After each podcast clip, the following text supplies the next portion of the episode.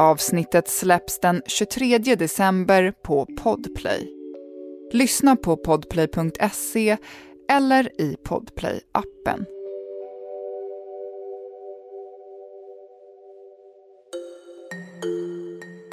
I det här avsnittet träffar vi ett par som vill vara öppna med sina namn och yrken. För mig är det lättare att bara vara naturlig än att hålla på och hitta på saker eller att, att här, tänka på att inte säga mitt namn och så vidare. Jag tycker bara det. Olle jobbar som produktionschef.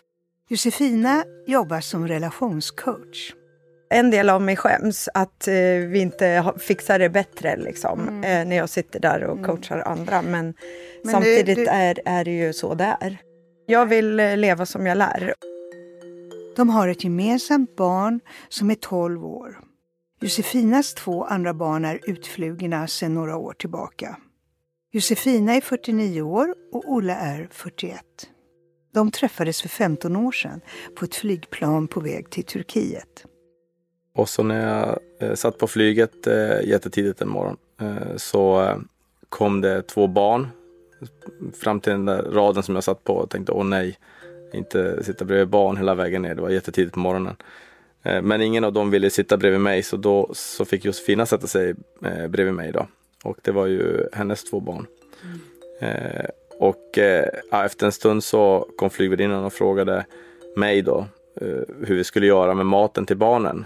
Om den skulle komma in samtidigt eller om de skulle ha den tidigare. Mm. Och då vände jag mig till Josefina och sa att eh, hur ska vi göra med maten till barnen?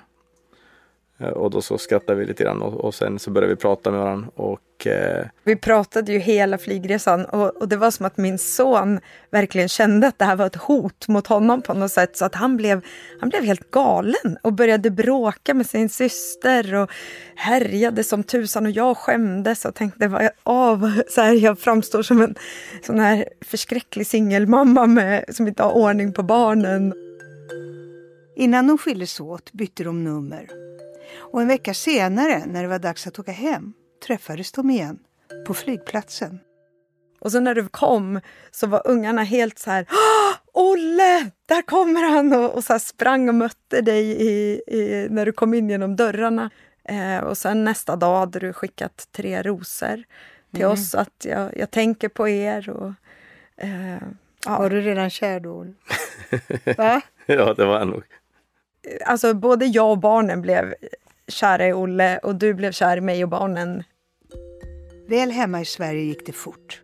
Olle som bodde i Kiruna packade sin väska och flyttade ihop med Josefina och hennes två barn. De köpte hus i Södermanland. Men det dröjde inte länge innan problemen dök upp. Jag är i alla fall medveten om att jag eh, är liksom arbetsmissbrukare. Problem som har hängt med i 15 år igår kväll när jag höll på att göra i ordning mitt kontor på jobbet. På allvar så tänkte jag tanken att om jag var singel och inte hade Oskar så skulle jag kunna ha en bäddsoffa här på kontoret och även sova här. Båda känner sig ensamma och har fastnat.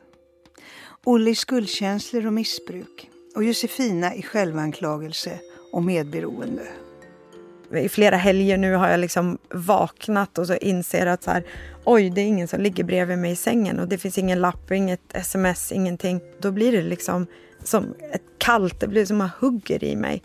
En del av mig säger så här, jag, jag hoppas verkligen att det finns ett annat sätt att lösa det här än att, än att jobba mindre. Om det inte blir bättre med mm. Olles arbetsnarkomani. Vad mm. kommer hända då för dig, Josefina? Mm. Och då måste jag eh, avsluta vår relation. Du lyssnar på Kärlek och terapi med samtalsterapeuten Daniela Gordon. Du är relationscoach, mm. eh, Josefina. Mm. och du har varit ihop med Olle i 15 år. Mm. Eh, och och då tänker jag så här, eftersom du kan alla... Du har alla verktyg mm. och du kan alla tricksen, som jag skulle ja. säga. Vad är en utmaning för dig i er relation? Alltså det jag, det jag brottas med är Eh, för jag, jag har ett stort behov av kontakt och närhet och närvaro. Eh, och Olle jobbar jätte, jättemycket och är, eh, även när han är hemma så kan han vara upptagen av jobb eller av eh, annat som han är upptagen av. Liksom. Och, och jag, jag känner mig lätt övergiven och jag behöver den där kontakten. Och jag brottas med, så här, är det ett behov som jag kommer att kunna ta hand om själv? Och, kan jag lära mig att, att vara med Olle fast att jag inte får det jag vill ha? Liksom? Eller går det inte? För att jag, jag mår inget bra av... Jag, jag känner mig väldigt ensam. Eh, jag, jag, känner att så här, livet går och jag vet inte om jag har orimliga krav. Jag tycker jag har ganska vanliga krav att vi ska bara du vet, så här, laga middag ihop på en fredagkväll eller spendera helgen tillsammans eller kolla på Så mycket bättre på lördagskvällen och ligga bredvid varandra i soffan. Liksom. Och jag får göra mycket av det där själv. Och det blev, jag tror att det har blivit eh, extra påtagligt, för de senaste åren har inte mina stora barn bott hemma. Innan tror jag fyllt ut en del av det där utrymmet med tre barn. Liksom. Men nu är det ju bara jag och Olle och, och vår tolvåring hemma. Eh, och då blir det tydligt för mig att eh, jag har behov av mer. Eh, och jag säger det och jag får inte det. liksom. Okej. Okay. Har du eh. haft det här behovet, har det varit så här hela tiden? Ja. Från och början? i alla relationer. Så jag fattar ju att det har med min historia att göra. Liksom. Ja, ja. Eh, så du befinner dig i en konstant längtan efter Olle? Mm. Mm. Men sen märker jag ju också att så här, jag kan hålla ett tag och sen eh, går det liksom över någon sorts gräns för mig och, och då blir det jobbigt. Och då när han kommer, då vill jag inte ha han. Då blir det, stänger alltså, av? Ja, då stänger jag av, för då har jag redan stängt av för det gör för ont. Liksom. Och, och då när han kommer och vill pussas och kramas och så här, då är jag taggig och vass och avvisande. Och när jag, när jag ska komma ut med mina behov så låter det kanske mer som kritik eller eh, Mm. Så här. Då, det blir det mer som en anklagelse. Ja, precis. Frustrerad anklagelse. Ja, för jag är så jävla hungrig liksom på mm. kontakt. Så, så du uttrycker inte dina behov förrän du håller på att explodera? Jo, det tror jag att jag gör, men han hör jag blir dem. ju inte mött. Liksom. Nej, han hör inte dem. Nej. Nej. Eller hör dem, men... Jag, jag hör nog, men, eh, men eh, jag möter inte dem. Nej. Och sen så, Varför gör du inte det? Ja, det är ju en lång historia. Men, men när, vi, eh, när vi hamnar i de här situationerna när, när, eh, när jag söker kontakt med Josefina eh, så, så vet jag ju med mig, alltså jag har ju eh, skuldkänslor så att när jag möts av den här taggigheten så är det inte så att jag känner sig gud vad orättvis du är. Ja, jag säger till mig själv att jag förtjänar ju att nu behöva kämpa lite grann här för jag har inte varit närvarande kanske på, under längre tid. Va? Och samtidigt så, så, så håller det också bara en liten stund för mig. För sen så, så kommer ganska snart det här, eh, okej okay, då får det vara. Och, så, och då, då krockar vi ju helt. Vad, när du säger okej, okay, då får det vara, då drar du dig tillbaka och ger upp då eller? Ja, och så kommer tankarna om att eh, ja, men vi kanske inte är rätt för varandra, vi ska vara med någon annan som ja. är mer lik eh, oss själva och, och, så vidare. Så, så. Och, vad, och vad händer rent praktiskt då? Vi blir väldigt osams. Till saken hör, precis som Josefina eh, säger, att, att jag jobbar väldigt mycket. Mm, jag vill ju höra, ja, precis. Ja. Jag frågade Josefina vad som är en utmaning för henne. Mm. Vad är en utmaning för dig förutom det här du har berättat? Ja, min stora utmaning är att jag har kämpat med min självkänsla och den eh, och min flykt är att arbeta väldigt, väldigt mycket och väldigt hårt. För att, eh, eh, ja. För att stärka din självkänsla? Ja, för att prestera, för att kompensera Mm. Inte för att stärka, självkänslan blir inte stärkt av det utan det är för att kompensera mm. en, en låg självkänsla och ett, mm.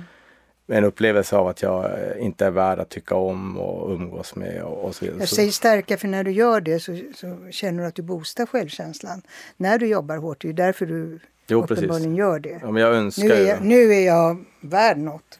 Så ja, du precis. boostar den genom att, att jobba hårt men det fungerar inte. Nej, det gör ju inte det. Utan det, det, det, istället så är det ju väldigt destruktivt för mina nära relationer. Mm. Inte bara med Josefina utan med, med min familj och, och vänner och, och, barn.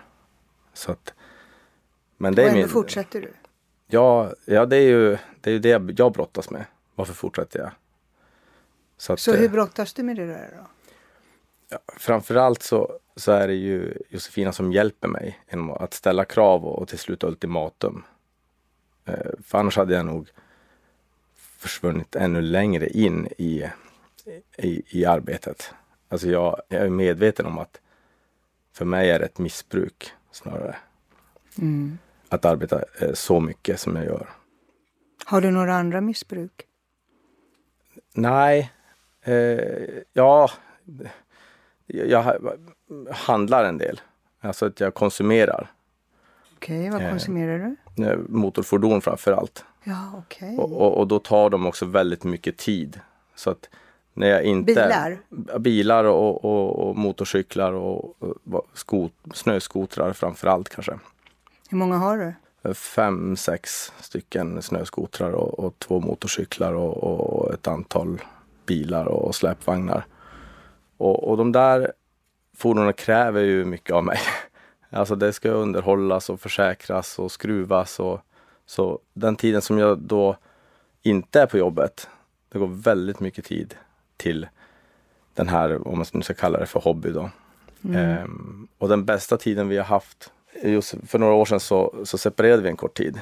Ja, och hur länge då? Tre månader ungefär. Och, och bodde isär. Mm. Och sen så när vi flyttade ihop igen då eh, så, så gav jag mig själv blocketförbud så att jag fick inte köpa någonting då. Eh, och sen så fick jag inte vara i garaget under en månad. Det var december månad vill jag minnas. Och, och det var en, en jättefin månad vi hade mm. tillsammans. Men du kunde inte hålla fast vid det där? Sen Nej. blir det mellandagsrea. Jaha, var det, var det kört då? Och din kompis sa, men fan nu är det rea! Eh, och så började, vi, började du skoja om det där och så skulle du bara köpa någonting och nu var det bra pris och ja, sen var det tillbaks. Mm. Mm. Men i vart fall, så det är ju min, eh, det är min, Eh, min stora utmaning är eh, det här hålet i min självkänsla som jag nu fyller med, med arbete och de här motorfordonen. Så de, de två de två sakerna, eller eh, ja, det är det som jag upplever hindrar mig från att, som stjäl all min tid och också som är en, en, stor utmaning, alltså hur jag ska komma till rätta med min, min självkänsla framför allt. Då. Kan du inte fylla din självkänsla med Josefins kärlek?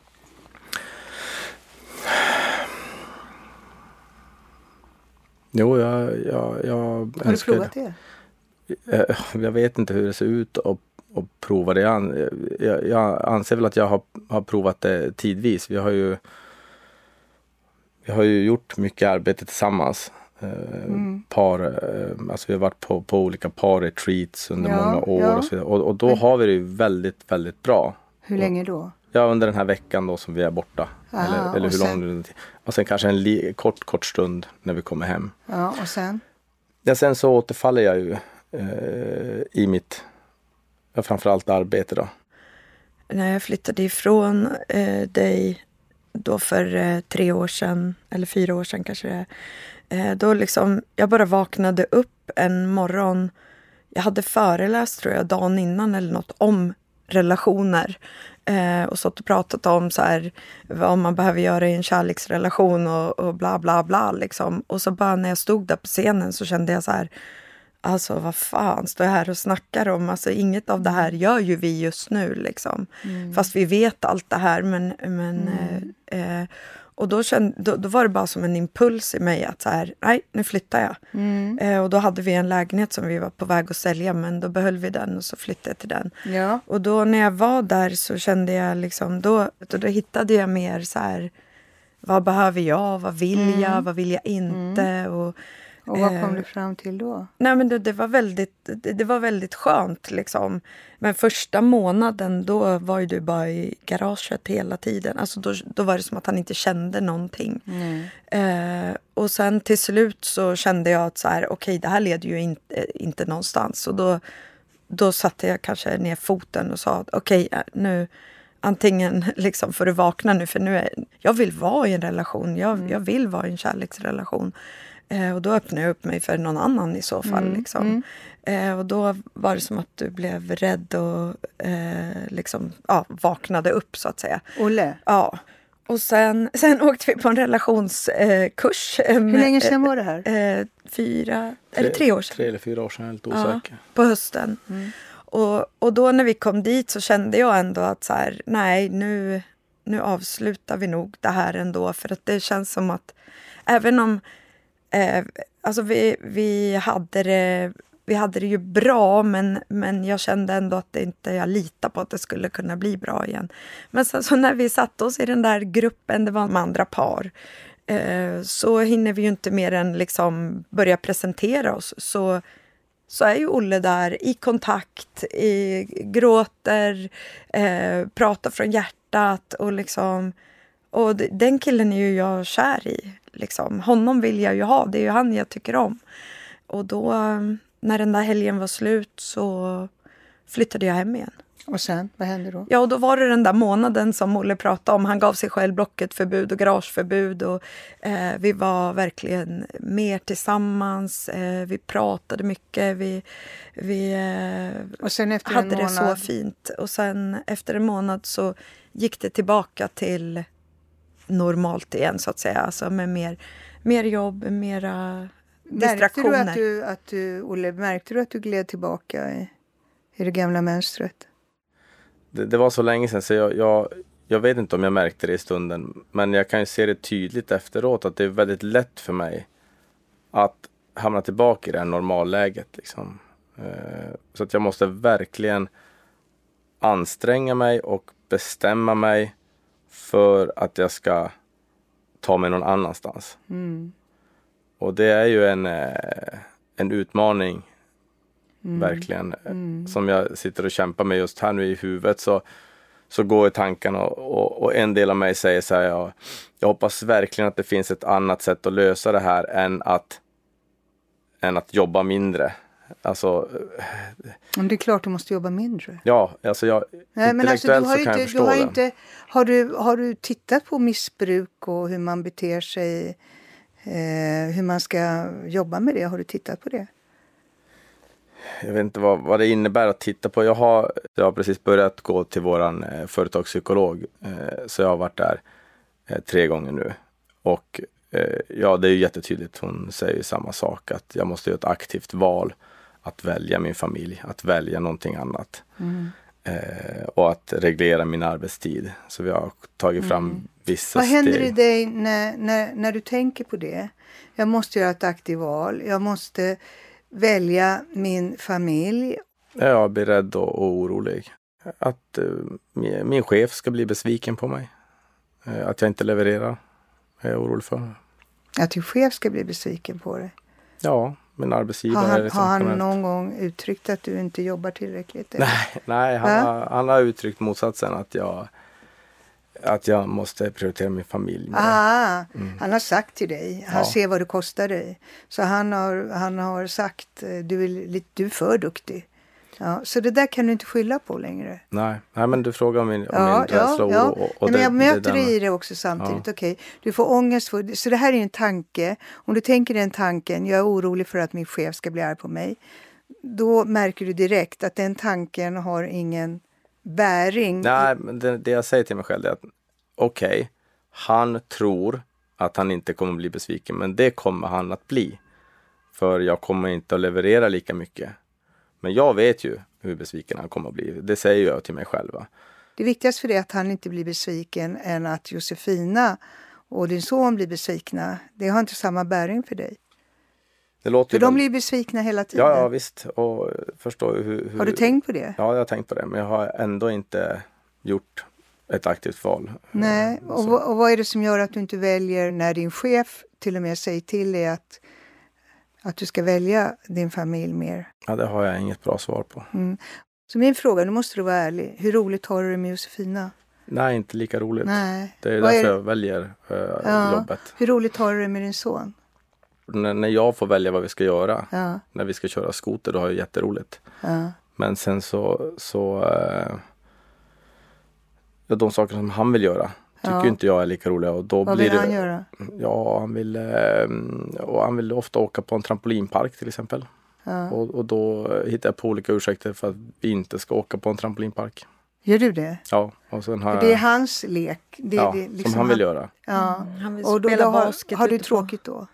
Nej, jag har ju roligt när vi är där. Mhm. Men jag har svårt att, att fatta beslutet att, att avsätta tid för det. Mm. Men jag har svårt att liksom att, jag har svårt att längta dit för att det här, ja det här missbruket liksom står i vägen. Och, Du är otrygg. Alltså, jag tror det är jobbigt för dig att vara med Josefina också för att du känner den här skulden varje gång. Varje gång du är med Josefina så känner du skuld över att du inte har levererat innan och du vet inte om du orkar leverera nu och därför längtar du tillbaka till det andra som är tryggt. Det är tryggt för dig att bonda med saker. Jag tycker det är bra att jag uttrycker det så. För det är saker och jobb är saker du gör. Med görande och med saker. För de där, alla de där fordren är ting. Ja, det är tryggt för dig. Eh, för då är du bestyr dig själv, du bestämmer själv precis vad du ska göra. Du behöver inte gå in i någon känslomässig relation. Som jag tror att det, att det är och som jag upplever det är att, att jag eh, både i mitt arbete och när det gäller de här motorfordonen eh, så, så är det för att, att det grund, blir, jag blir lite känslosam. eh, Så för, Ja, ja, men det- be- berätta. Jag har inget problem med att, gråta men, men det är svårt att, att få fram orden då. Ja, men det spelar ingen roll. Det är så att jag i mycket som jag gör, både i mitt arbete och när jag håller på med de här motorfordonen, så är det för att jag eh, Mm. jag vill göra min pappa stolt. Det som tar tid med mina fordon, det är att skruva i dem. Och en stor del varför jag gör det är för att visa åt min pappa att jag också kan skruva. Kunde du inte det? Var han, är han bra på, är han praktisk? Han kan skruva i allt. Och jag tänkte när jag var liten. Hur ska jag hinna lära mig allt det här? Tills jag ska bli pappa.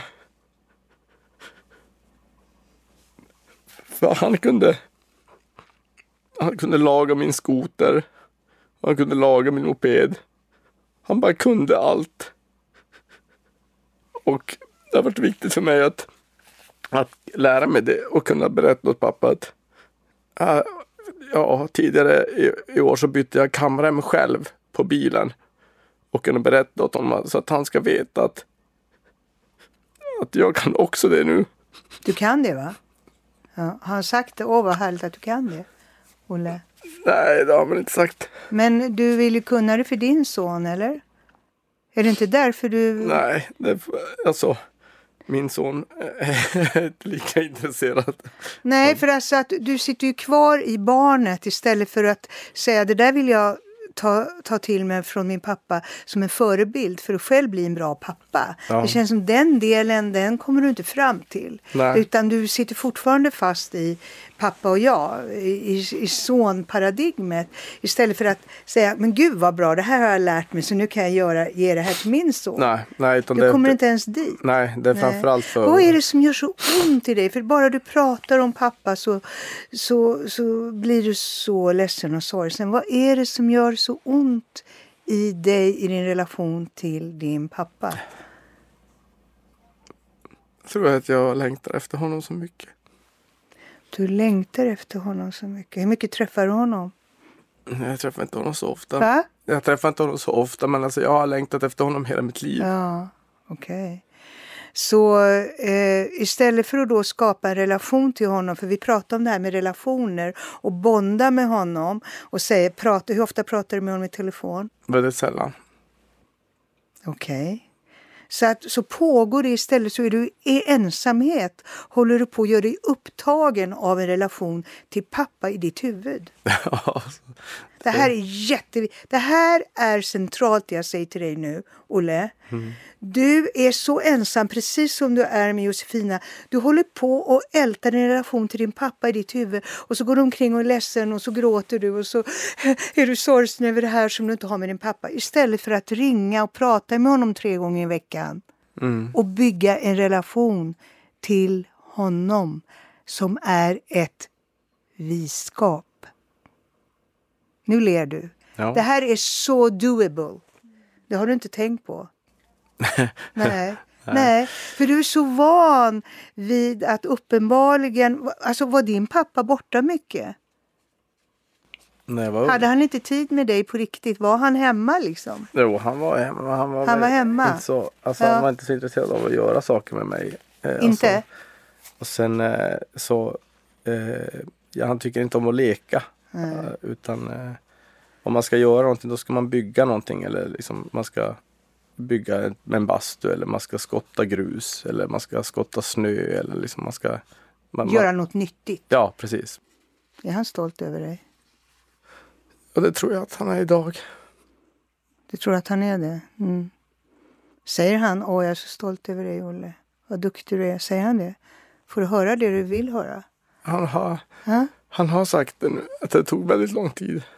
Okej, okay, så du har fått hans erkännande nu sista året. Har det gjort att du har eh, slutat med det här missbruket?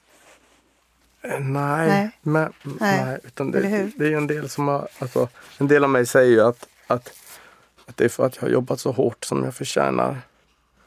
Eh, att han ska vara stolt över mig. Ja.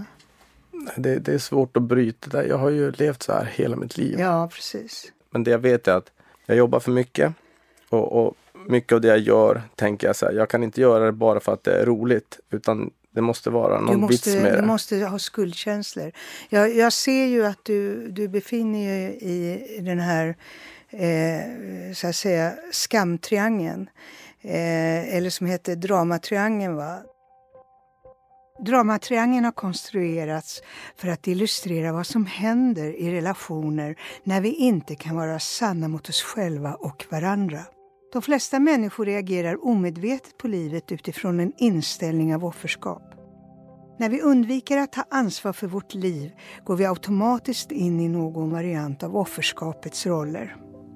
Även om endast en av rollerna i dramatriangeln kallas offer så är offerskap eller ovilja att ta sitt liv i egna händer den gemensamma nämnaren för de tre huvudrollerna i dramatriangeln.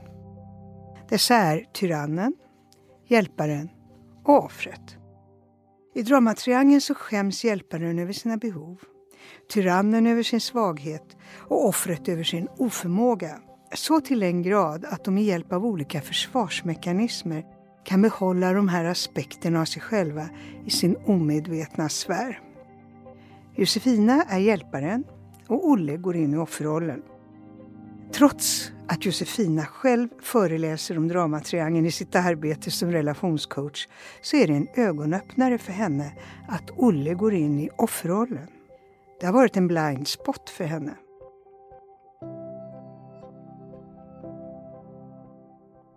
Eh, Josefina, hur har du det med din mamma? Eh, hur har du haft det eh, i din uppväxt med henne generellt? Ja, mamma är ju...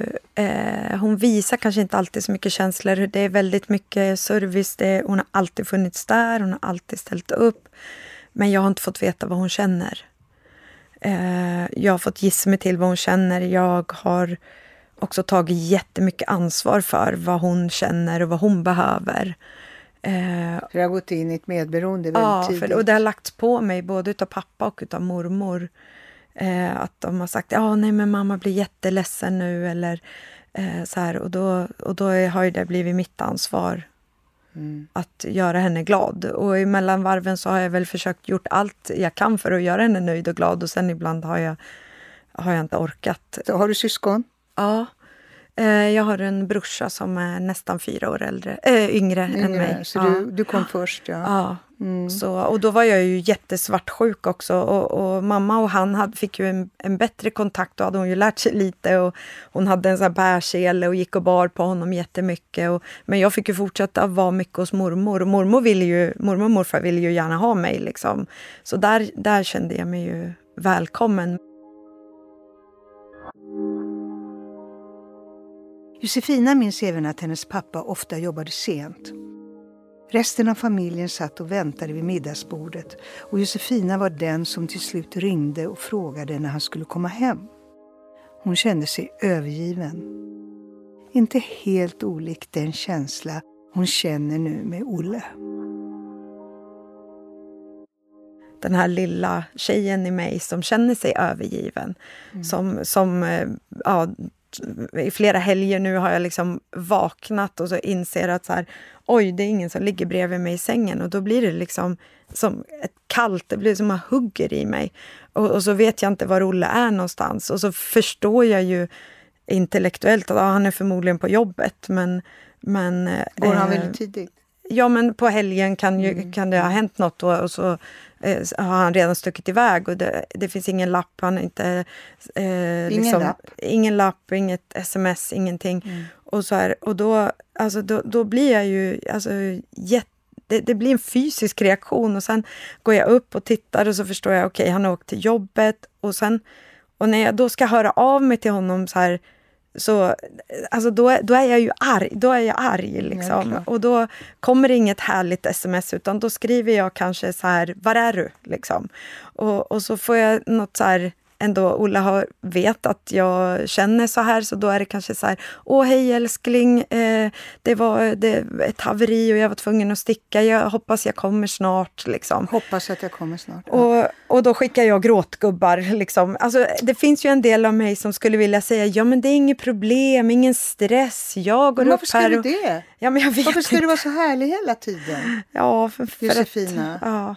Varför, varför tycker du att du ska vara så härlig? Du skulle önska att du kunde vara det. Du, du vill vara härlig för du vill ha en härlig relation.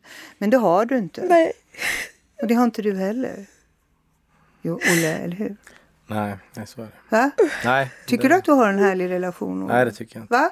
Nej, jag tycker inte att vi har nej, en härlig relation. Nej. Ja.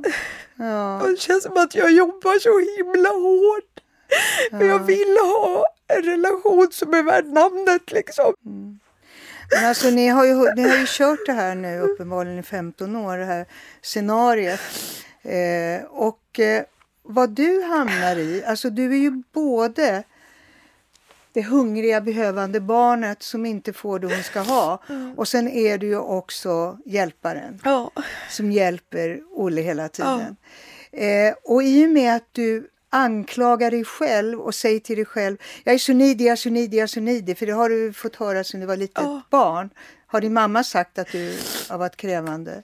Hon har inte kanske sagt det rakt ut, men jag har ju sett har känt, det. Ja, det har sett det hennes, liksom ja. att jag gör henne obekväm och hon är ja, otillräcklig och hon blir trött. Ja, och då hamnar du i självanklagelse istället. Mm. Oh. Eh, du varvar självanklagelse med att vara arg på Olle. Mm. Va? Så det går från arg på honom, mm. arg på mig själv. Ja.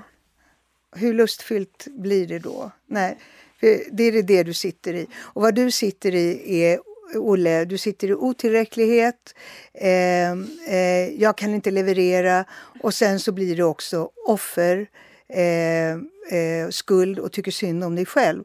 För det intressanta är, när jag tittar på dig Olle, så tänker jag, du är inte en vuxen man. Du beter dig som ett barn. Mm. Jag kanske kommer, alltså ett, ett barn som inte tar ansvar. En vuxen man skriver ett meddelande när han går hemifrån. Jag befinner mig på jobbet. Jag kommer hem då. Eller om jag inte vet när jag kommer hem, jag hör av mig. Är du med? Det här ansvarsbeteendet känns det inte som att du har. Nej, Eller? Det, så är det. Du hamnar i det här eh, barnet som inte kan leverera. Du gör mot henne som gjorde till pappa. Pappa är väl aldrig nöjd. Eh, pappa tycker aldrig att jag är duktig. Pappa tycker aldrig jag är good enough. Och nu gör du det mot henne. Josefina tycker inte jag är good enough. Josefina tycker inte jag är good enough. Eh, förstår du? Så du har skuldkänslor för att du är det hungriga barnet som aldrig får det du vill ha. Och du har skuldkänslor för att du aldrig kan leverera och aldrig beter dig så att du kan få det där berömmet från pappa som du vill ha. Och här projicerar du över det på Josefina. Är du med? Du får aldrig det där berömmet av henne heller. Och, och du är ensam. Josefina mm. hela tiden känner mm. ensam. Och du är ju också ensam. Du fyller dig med lycka över det du åstadkommer, det du knarkar på och dina fordon. Dina saker, där fyller du dig med lycka. Men sen så blir du ju jättedeppig av att se Josefinas missnöje och att du känner att jag är inte riktigt bra pappa heller, eller hur? Ja, så är det. Ja, mm. så. Och jag skulle vilja säga att du är ju, Josefina, du är ju medberoende. Ja. Eh, med eh, Olle. Ja, jag vet. Mm. Mm. Olle, för att du ska komma bort från det knarket så eh, frågan är eh, vad är din utmaning i att göra det? Jag, jag är rädd att jag ska jag blir uttråkad, få abstinens. Liksom. Ja, du kommer att få. Mm. Är du med? Ja. Precis, det är det här du måste. Du kommer få. Vad är abstinens? Vad är det? Hur kommer det kännas? Ja, att jag det... tankarna har, har svårt att släppa taget om, om det jag borde eller skulle vilja göra. Eller mm. Alla de här ja, gamla tankarna kommer ju att vilja kom, göra sig påminda. Exakt, det är det här du måste gå igenom. Det är så man slutar med allt missbruk. Ja, jag förstår. Du måste bara stå kvar och andas. Ja, nu är jag jätteuttråkad. Nu får jag abstinens och det kan du dela. Mm. Du delar det med Josefin. Du berättar för henne istället för att dra dig undan och gå iväg. Och gå in i skuld så delar du med henne. Vad behöver du från henne då för att klara av att stanna kvar? När du blir uttråkad eller får... Det behöver är, no, är, är ju förståelse och stöd i den stunden ja, i så ja, fall. Absolut. Uh, Men då måste du stanna kvar. Ja, det förstår jag. Ja. Så om det inte blir bättre med mm. Olles arbetsnarkomani, vad mm. kommer hända då för dig, Josefina? Mm. Och då måste jag eh, avsluta vår relation. Eh, för jag... Ja, jag, jag vill inte vara den som jag blir i eh, mötet. Liksom. Eller, alltså jag vill inte vara det där hungriga barnet. Jag vill inte vara sur och grinig och avvisande och, och ha öppet hjärta och stänga hjärtat. Och, alltså jag, jag vill inte vara sån, för jag märker också att det, bli, det blir, spiller ju över. Så att jag...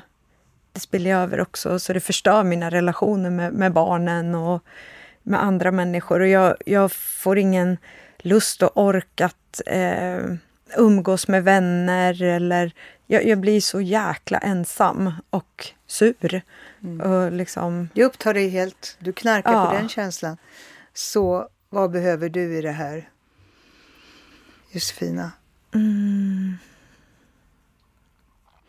Du behöver ju släppa kontrollen. Ja, exakt. Men jag, och har ju, jag har ju ganska lätt att, att lita på, mm. så jag litar ju på... Eh, och Jag vet inte om det är korkat, eller, men så här, jag tror ju på att Olle menar allvar nu. Så då litar jag på att det kommer bli så. Mm. Eh, men det har du litat på flera gånger. Ja, ja. och så har det inte blivit så. Nej, och vad, och vad eh. händer när han får, han får ju, han kommer ju få, vad säger, Ja, jag, jag, vet ju hur han beter sig när han har ångest, när han vill köpa något eller han vill gå ut i garaget. Alltså mm. jag, ja. jag, jag, vet ju hur han? hans beteende blir då. Nej, men då blir han sur och eh, liksom eh, oskön energi. Och... Men han säger inte att han har ångest? Nej, det säger det är han inte. Utan, det är det som är den stora ja. skillnaden. Mm. Nu sätter du ord på mm. det du känner. Istället för att gå in i flykten. Ja, för jag, jag känner ju det och då frågar jag, eh, men vad, rör, vad är det som händer? Vad rör sig i dig just nu?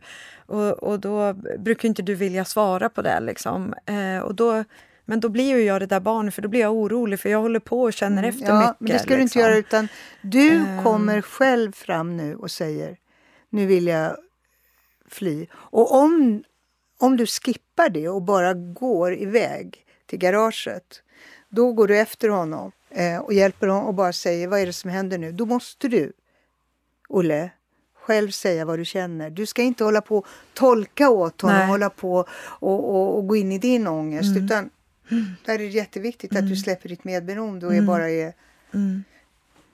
cool. Mm. Alltså det känns ju som att när jag ifrågasätter så har han ju alltid 71 bra förklaringar på varför han behöver göra det nu och jag måste Ja, men, förstå men att... förklaringarna går ju bort, det förstår du. Jag kan vara ganska manipulativ. Ja. Men du måste sluta med det. Mm. Jag vill att vi ska göra en övning som jag tror är bra för er. Mm. Så här ska vi göra. Nu ska ni stå för er egen skit. Så du säger till Olle så här. Berätta någonting du gör som gör det svårt för mig att älska dig. Okej? Berätta för mig en sak som du gör som gör det svårt för mig att älska dig. Jag håller inte mitt ord. Jag kommer inte när jag har sagt att jag ska komma hem. Tack. Berätta för mig någonting du gör som gör det svårt för mig att älska dig. Mm, jag eh, är tjatig och avig och sur och tråkig. Tack. Jag väljer mitt arbete före dig och vår familj. Mm, jag kan vara oflexibel eller så här att jag, jag vill ha kontroll så att jag, att, att jag inte är så spontan. Ja, inte så lekfull alltid. Jag eh, skojar bort saker. Jag, jag kan vara barnslig i situationer där du, där du eh, förväntar dig att, att jag ska vara mer vuxen. Eh, så eh, istället för att, att, möta dig på ett respektfullt sätt. Jag beter mig som om jag var din mamma. Jag är inte helt ärlig eh, med dig. Och jag kan vara olojal mot överenskommelser som när du sa i somras att du ville verkligen inte att jag skulle bygga några fler tak på, på verandan. Och sen åkte du bort några dagar och, och då byggde jag ett. Och sen när du kom hem så förväntade jag mig att du skulle tycka det var jättefint. Fast vi hade kommit överens om att det överhuvudtaget inte skulle byggas. Mm. Tack. Mm. Är det mer? Eller känns det klart kanske? Jag är förvånad att det, att det var så svårt att, att komma på. Som du säger, jag har ju massor med skuldkänslor. För hur jag tycker att jag är, inte är en tillräcklig eh, partner och pappa. Och sen när jag skulle försöka sätta ord på det så är jag förvånad över hur svårt det var att, kunna sätta ord på de saker som jag gör som är dåliga för våra, vår relation. Men du sa några. Mm. Mm. Kändes det? Och de kändes sanna. Alltså, känns det skönt? Ja. Känns skönare. Ja, det är konstigt. Det känns skönare efteråt när jag har sagt det. Ja. Att det liksom är mer rent emellan oss. Ja, precis. För att du delar istället för att gå omkring i ditt eget huvud. Vi avslutar med en övning för Olle. Precis som att han är ensam i sin relation med Josefina är han ensam i relationen till sin pappa. Istället för att bygga en relation och skapa ett viskap med sin pappa ältar och sörjer han relationen i sitt huvud. För att kunna komma vidare måste han släppa sin pappa fri. Jag ber honom att blunda. Du tänker en bild där du släpper pappa fri. Hur, vad ser du framför dig då? Hur ser du det? Jag ser att han är lite ovanför mig och liksom svävar. Ja. Svävar han? Ja, och så är han väldigt ljus. Ja. Istället för att han är inne i, ditt, i din kropp hela tiden. Ja. Känns det bra? Ja, det känns bra. Du befriar honom också? Ja, jag förstår det. Mm. Och din chef? ja. Han, är, han ser bara glad ut. Är han också ut? Flyger han också? Ja, han, är liksom lite grann till höger om mig. Så- Och, och han, eh, han är bara väldigt glad. Hur känns det inne i dig nu då, Olle? Ja, det känns lättare. Och det känns som att vi är liksom lite mer på samma nivå. Att jag inte är så uh, alltså, liten och, och, och, ska försöka leva upp till saker och ting. Precis. Åh, vad skönt. Mm. Och eh, Josefina, du är så positiv men det är viktigt att du inte är blint positiv. Mm. Och går och hoppas hela tiden mm. utan du faktiskt ser vad det är som pågår. Mm. Och eh, tar ställning till det också och mm. ansvar för det. Mm. Mm. Lycka till! Tack så mycket. Tack.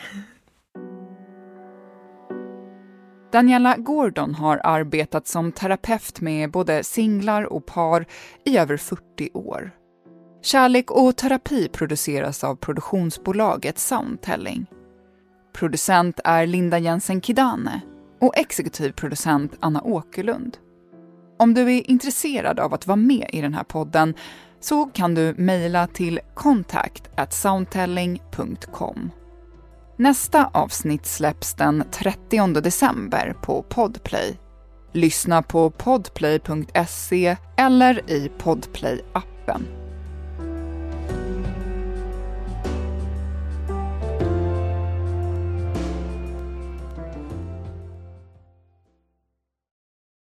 Ny säsong av Robinson på TV4 Play. Hetta, storm, hunger. Det har hela tiden varit en kamp. Nu är det blod och tårar. Fan händer just det. det detta är inte okej. Okay. Robinson 2024, nu fucking kör vi. Streama söndag på TV4 Play.